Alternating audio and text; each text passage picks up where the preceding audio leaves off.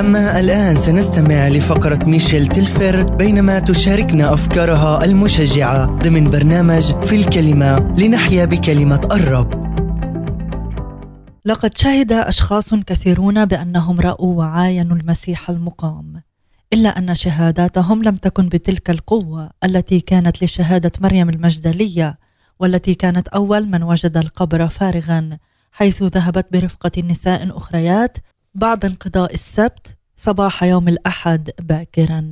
فأسرعنا راكضات ليخبرنا الرسل. وقالا لبطرس ويوحنا بأن يأتيا ويشاهدا ما قد حدث. يخبرنا إنجيل يوحنا الأصحاح العشرين والآية التاسعة بأنه بعد أن نظر الرجلان إلى القبر الفارغ تحيرا واضطربا لأنهما لم يفهما ما جاء بالكتب عن يسوع المقام.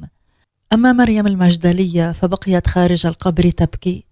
ولم تميز بأن يسوع هو من كان يتكلم معها لأن عينيها كانتا مليئتان بالدموع سألها يسوع يا امرأة لماذا تبكين؟ من تطلبين؟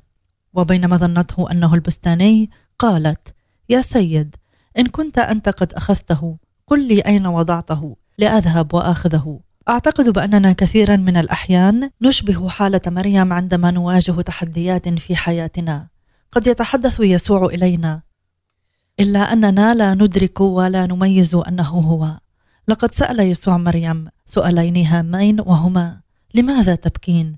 ماذا تطلبين؟ عندما نسأل أنفسنا الأسئلة ذاتها لماذا أبكي؟ من أطلب؟ هل نطلب ما فقدناه أم يسوع الرب المقام؟ في أشد الأوقات صعوبة فأن يسوع يريدنا أن نتحول من القبر الفارغ وننظر إليه. إن القبر الفارغ يمثل بالنسبة لنا خبرتنا الصعبة في فقدان شخص ما أو إنهاء علاقة عاطفية أو خسارة عمل أو رسوب في امتحان. لربما تنازلنا عن حلم، آمال للمستقبل. أيا كان الأمر الذي فقدناه، فإن يسوع يريدنا أن نسميه ونضعه بين يديه، وهو وعد بأنه معنا ولن يتركنا نسير وحدنا.